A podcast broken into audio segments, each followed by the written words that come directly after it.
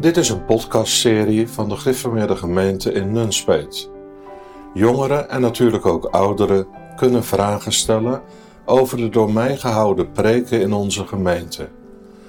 Deze vragen worden dan in deze podcastserie door mij beantwoord.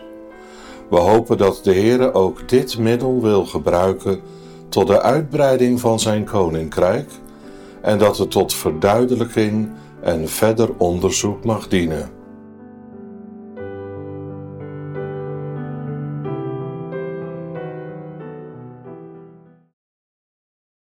Tijdens de kerstdagen preekt u over het kinderke in Bethlehem waarvoor geen plaats was. Als mens moet je arm, naakt en rechteloos gemaakt worden. Van nature heeft de mens juist veel rechten en is hoogmoedig. Hoe gaat het proces van een mens die rechteloos wordt gemaakt door de werking van de Heilige Geest? En hoe kan een mens er tussenuit? Merkt een mens zelf als hij rechteloos wordt gemaakt? Of kan hij dit niet door het verduisterde verstand? Ja, het is waar wat hier wordt gezegd, dat het nodig is dat wij rechteloos gemaakt worden, dat wij arm gemaakt worden en dat dat een werk is van de Heilige Geest. Merkt een mens dat zelf? Jazeker, merkt een mens dat zelf. Dat beleef je. Alleen bij de een gaat dat veel sneller en veel dieper dan bij de ander. Het is nodig dat onze geestelijke portemonnee, om het zo maar te zeggen, leeg raakt. Dat wij failliet gaan. En vaak is dat een langzaam proces. Want een mens die probeert het laatste dubbeltje zo lang mogelijk vast te houden. Maar de Heer kan dat ook in een diepe, in een korte weg doen. Kijk, dat je dan op dat moment zelf weet, dit doet de Heere, er wordt bij mij plaats gemaakt voor Christus, dat denk ik niet. De Heere leidt zijn kinderen in wegen die ze niet geweten hebben en paden die ze niet gekend hebben. Ik weet nog goed uit mijn eigen leven dat de Heere een keer alles afnam.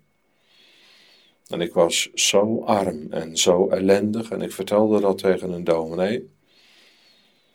En die keek mij verblijd aan en die zei: Een ontdekkende zegen is ook een zegen. En ik moet eerlijk zeggen dat ik dat op dat moment zelf helemaal niet zag en ook zo niet ervoer. Dus als de Heer bezig is om je arm te maken, dan denk je dat het de verkeerde kant op gaat. Je kunt daar echt de grond niet van maken. Je kunt het daar niet mee doen. En ik denk pas als de Heer Jezus zich openbaart als zaligmaker, dat er dan licht zal vallen over de weg die achter ligt. En dat je dan ook pas zult begrijpen waarom het door die weg moest gaan. Je ziet in het Oude Testament zo vaak dat de Heere zijn belofte vervult in de weg van onmogelijkheid.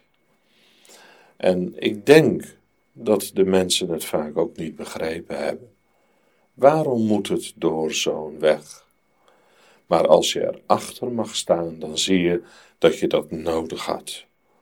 Want als de Heer het zo niet gedaan had, dan was de Heer Jezus nooit voor ons geworden wie Hij op dat moment voor ons mag zijn.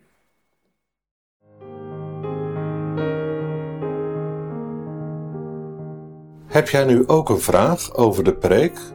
Kijk dan op gergemnunspeet.nl podcast.